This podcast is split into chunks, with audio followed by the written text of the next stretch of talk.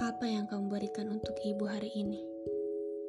Apakah hari ini sudah mencium tangan ibu lalu mengucapkan selamat hari ibu? Atau mungkin memeluknya erat sembari berbisik, Selamat hari ibu mamaku sayang. Semoga salah satunya bisa kita lakukan. Selama bisa, ayo lakuin. Jangan cuma bisanya buat instastory, WA story, atau nge-tweet ngucapin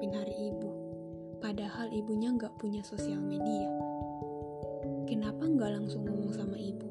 Kan enak, ibu juga pasti bahagia. Kalau dipikir, Beruntung banget loh kita yang masih punya ibu di dunia ini. Masih bisa ngobrol sama ibu. Apa kabar sama teman-teman yang ibunya udah tenang di surga? Kalau kangen sama ibu biasanya cuma nangis. Atau enggak pergi ke pusara ibu ngasih bunga dan ngirim doa. Sedih banget kan? Banyak-banyak bersyukur ya untuk kita yang masih punya ibu. Bagiku setiap hari adalah hari ibu.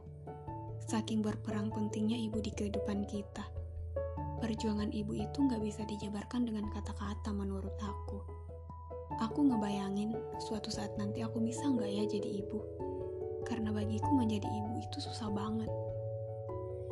Ibu itu menyayangi dan memperjuangkan kita mulai dari kita yang hanya setetes mani hingga sampai saat ini.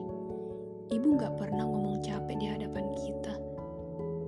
Tapi kita kadang nggak tahu diri masih suka senaknya sama ibu.